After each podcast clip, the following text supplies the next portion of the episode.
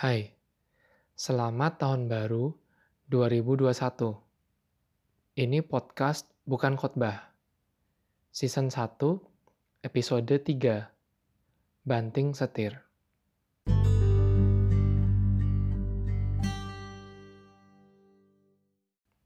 Holborn adalah satu area di pusat kota London yang sangat ramai dan padat dengan aktivitas. Gua dengan beberapa teman tergabung sebagai member di satu tempat fitness di belakang Holborn Station. Gua terhitung cukup rajin untuk datang seminggu sekitar 3-4 kali untuk berlatih di tempat fitness tersebut. Terkadang janjian dengan beberapa teman untuk latihan bareng. Satu hari gue dengan teman gue Anto dari Indonesia, dan setelah latihan kita berdua wind down di area lounge sambil baca koran, sambil ngobrol santai. Kami notice ada seorang kulit putih yang kelihatannya memang orang native Inggris yang mengamati kami berdua. Nah, sebagai orang Indonesia, kita punya satu privilege di luar negeri untuk ngobrol tanpa orang asing ngerti apa yang kita obrolkan. Karena bahasa Indonesia sangat jarang dimengerti oleh orang asing, nggak seperti bahasa Eropa lainnya, Jerman, Itali, Spanyol, Prancis, yang sangat umum untuk orang lain ngerti. Jadi gue dan Anto sempat bahas bahwa kami berdua sedang diliatin dan diamatin oleh si bule ini. Dia lewat untuk mengambil air, bolak-balik mondar-mandir sekitar empat kali. Sangat aneh, sangat nggak biasa, karena biasanya orang ambil air, atau untuk minum sebentar sebelum dia kembali ke area mesin, treadmill, atau apa pun itu untuk berlatih kembali. Dan setiap kali si bule ini lewat, dia nampak sengaja memelankan jalannya. Kayak berusaha nguping apa yang gua dan Anto lagi obrolin. Dan ya kami berdua berasa. Setelah beberapa saat kami nggak nyaman, Akhirnya kami memutuskan untuk ke ruang ganti untuk ganti baju dan siap-siap untuk pulang. Di depan ruang ganti, bule ini menunggu dan akhirnya dia nyetop kami dan yang bikin kami kaget adalah dia ngomong dengan bahasa Indonesia yang fasih dengan logat aksen kebulean campur Jawa Tengah.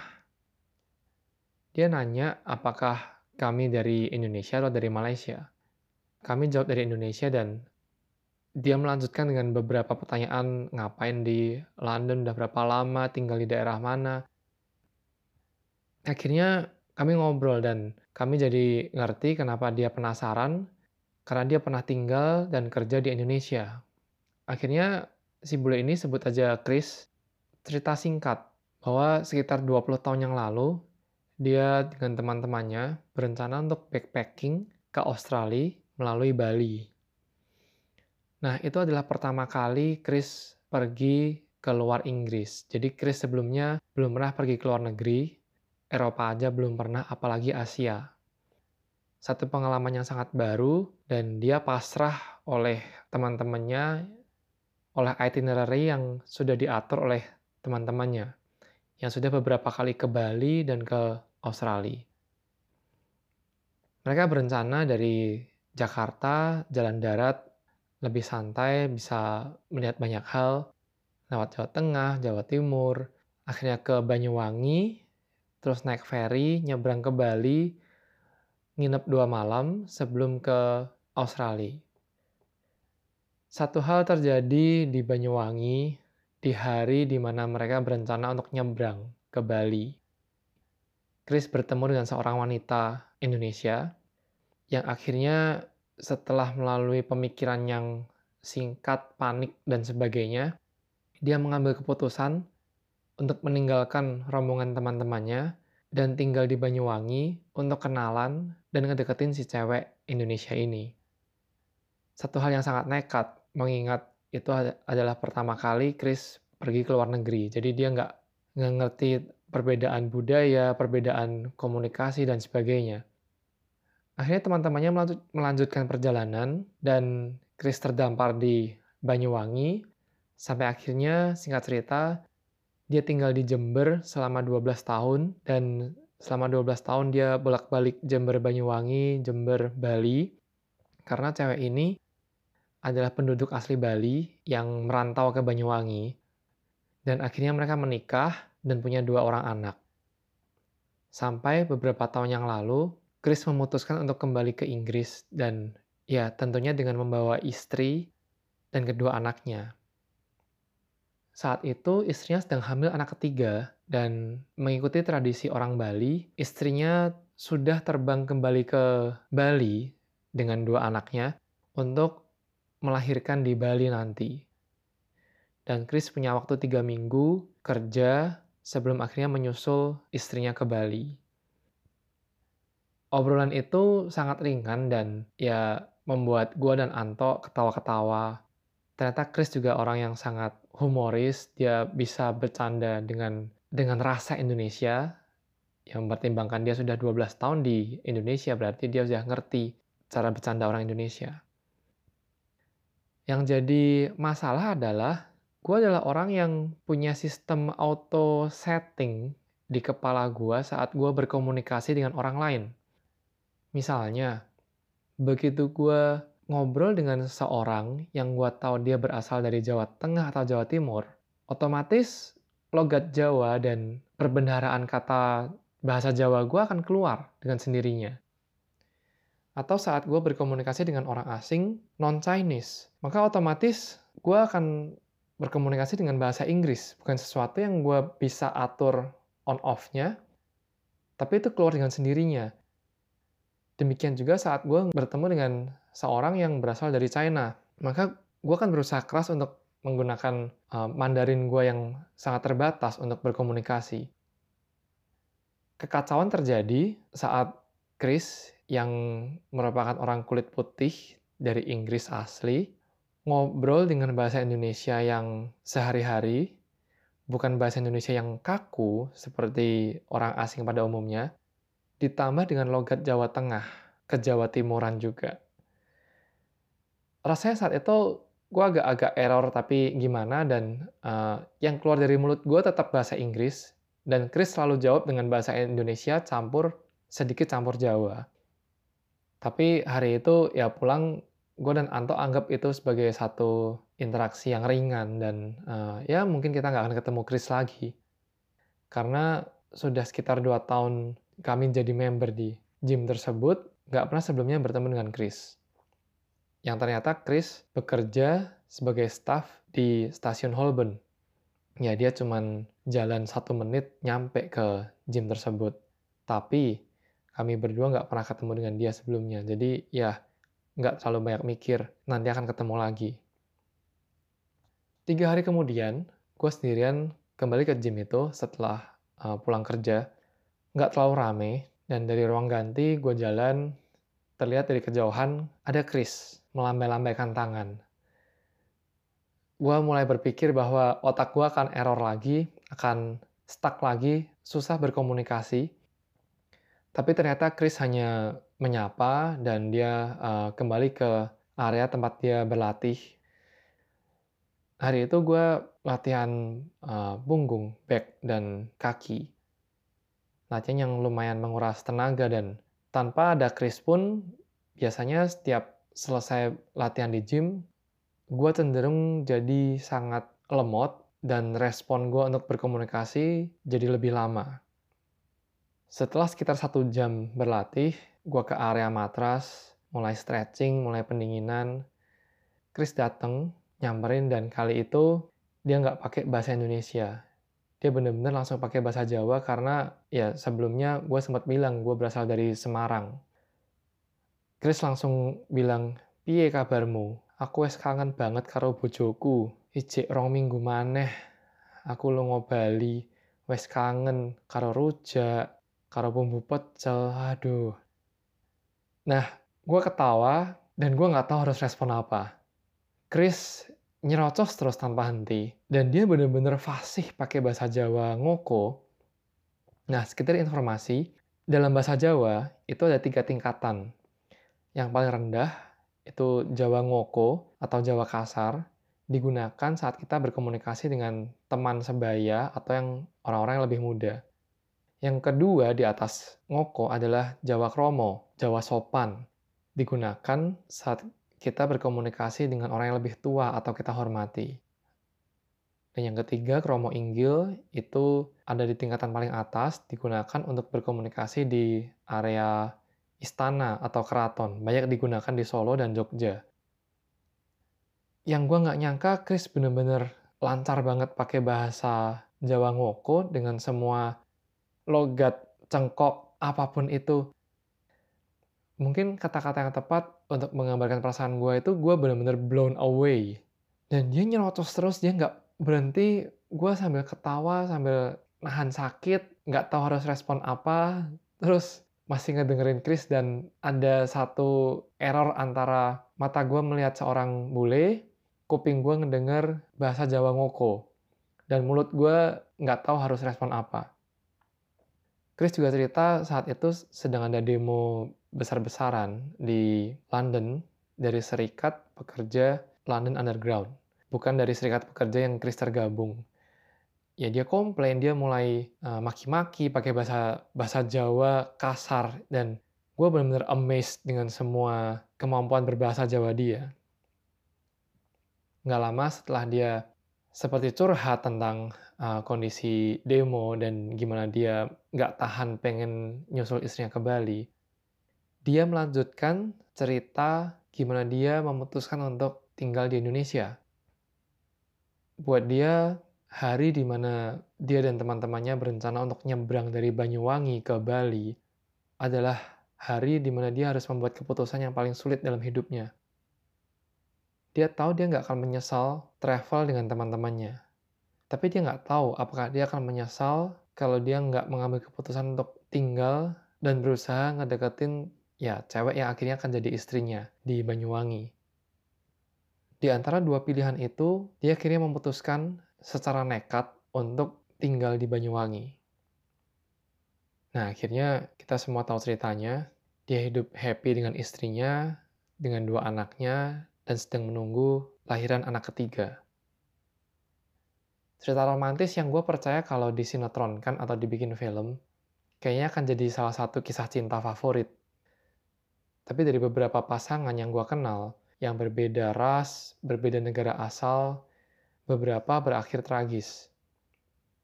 Cerita Chris hanyalah satu dari sangat sedikit cerita yang berakhir dengan baik.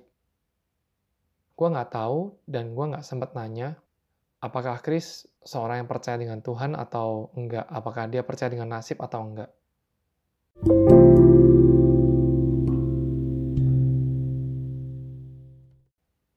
Hari itu saat gue pulang, gue jadi keinget akan beberapa momen di kehidupan gue di masa lalu, di mana gue harus mengambil keputusan yang lumayan sulit.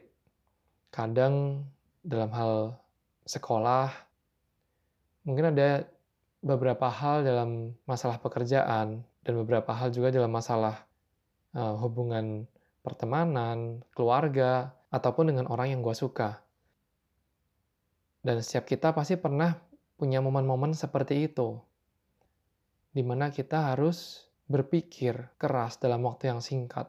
Apakah kita akan meneruskan perjalanan ini sesuai dengan yang sudah direncanakan, atau kita harus banting setir, mengambil satu keputusan yang mungkin satu dua jam yang lalu belum terbersit keputusan ini. Di tahun yang baru ini, beberapa dari kita sudah punya rencana sendiri. Mungkin sudah punya to-do list bahkan beberapa hal besar yang kita rencanakan jauh-jauh hari seperti memulai bisnis, pindah rumah, atau membeli rumah, investasi, atau bahkan untuk menikah. Kita rencanakan jauh-jauh hari. Kadang ada satu dua hal yang akan membuat kita berpikir untuk banding setir, untuk keluar dari rencana asal.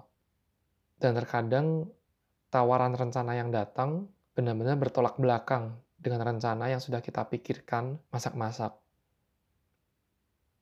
Ada satu pertentangan di antara orang-orang yang percaya Tuhan, percaya adanya Tuhan, terlepas dari mereka pengikut Kristus atau bukan.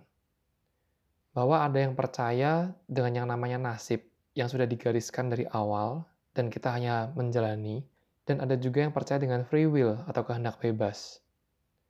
Dan dua kubu ini biasanya saling bermusuhan, saling punya argumen sendiri, dan menggunakan pengalaman masing-masing untuk membenarkan argumen mereka.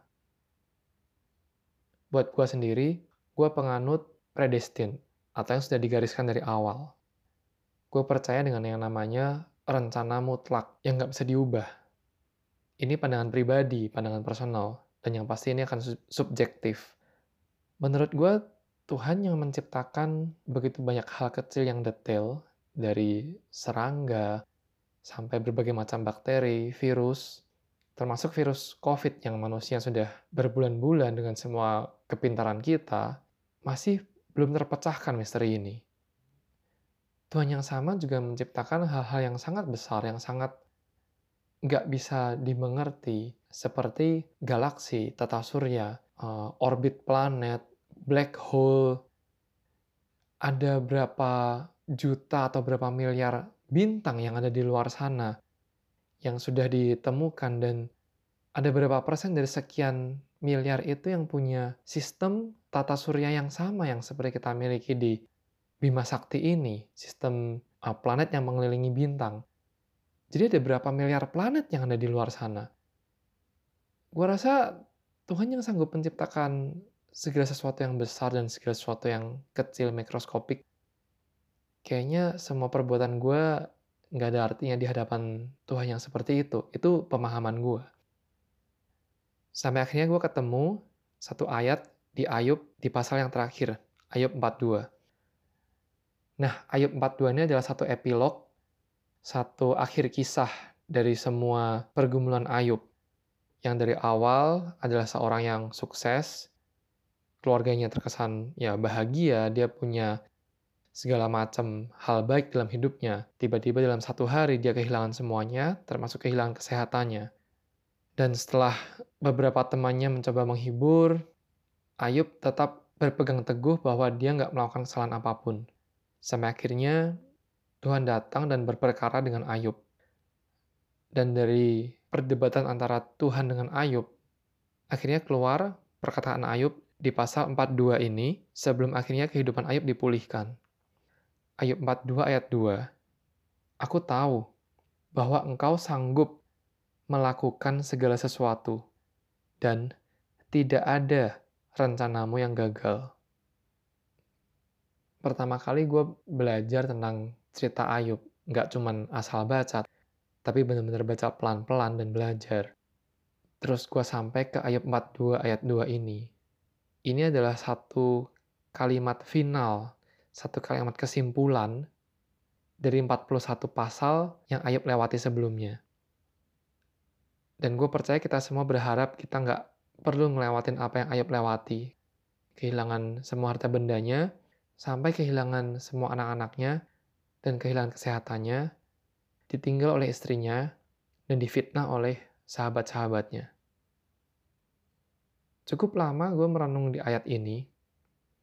Aku tahu bahwa engkau sanggup melakukan segala sesuatu dan tidak ada rencanamu yang gagal. Kalau Ayub seorang yang sudah melewati segala hal buruk dan akhirnya berperkara dengan Tuhan, bisa keluar kalimat ini. Doa gue beberapa kali ke Tuhan adalah, jangan deh lewat seperti apa yang Ayub alami, tapi gue mau belajar apa yang Ayub pelajari di ayat ini. Bahwa Tuhan sanggup melakukan segala sesuatu dan tidak ada rencana Tuhan yang gagal. Sebagai seorang yang percaya predestination, bukan berarti gue percaya bahwa nasib itu baik dan gue santai. Tetapi sebaliknya, karena semua sudah Tuhan gariskan, karena semua sudah Tuhan rencanakan, dan semua rencana Tuhan kita percaya itu baik karena Tuhan adalah Tuhan yang baik maka gue bebas untuk memilih jalan terus sesuai dengan apa yang gue rencanakan, atau saat gue berasa gue harus banting setir, gue berpikir bahwa yang lurus ke depan itu kurang baik dan gue harus tiba-tiba belok ke kanan, maka itu juga hal yang baik. Jadi apa pun yang menjadi keputusan gue, selama itu ada dalam koridor yang benar dan dijaga oleh value yang benar, ya maka ujungnya akan baik. Mungkin sama seperti pandangan Chris bahwa kalau dia ikut teman-temannya ke Bali dan Australia, dia mungkin juga akan menikmati liburan mereka, karena itu pertama kalinya dia keluar dari Inggris. Tapi menetap di Banyuwangi dan mencoba mendekati cewek yang akhirnya jadi istrinya, juga bukan satu pilihan yang buruk. Bahkan ya pada akhirnya kita tahu pilihan itu lebih baik. Karena waktu PDKT sama cewek ini juga akhirnya Chris ke Bali. Dan mungkin setelah menikah mereka bisa liburan ke Australia juga. Jadi pada akhirnya mungkin semua yang kita rencanakan, termasuk keputusan kita yang dadakan, itu termasuk dalam rencana Tuhan yang tidak ada yang gagal. Dan ini yang jadi perenungan gue di tahun baru, bahwa gue bebas untuk memilih, bukan berarti gue bebas untuk mengatur hidup gue dan kehendak bebas gue bisa berpengaruh terhadap rencana Tuhan. Enggak, siapa gue? Tapi gue bebas yang gue anggap sebagai kebebasan juga sudah diatur oleh Tuhan yang baik.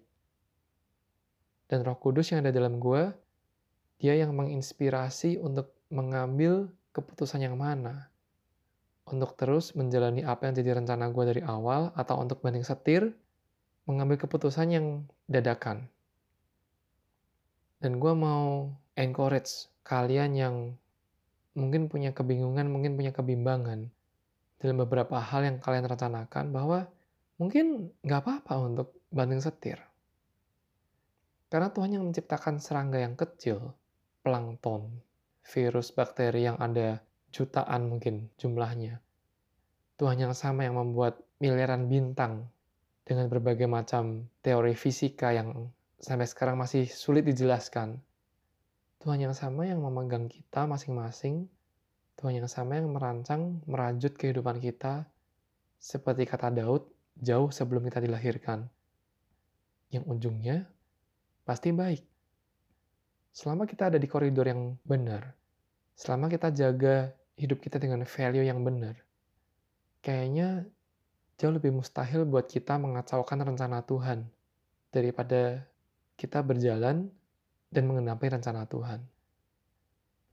Gue berharap cerita singkat tentang dilema dan keputusan Chris untuk banding setir bisa jadi satu pemikiran buat kita semua di tahun yang baru ini bahwa Tuhan, seperti kata Ayub, sanggup melakukan segala sesuatu dan tidak ada rencananya yang gagal.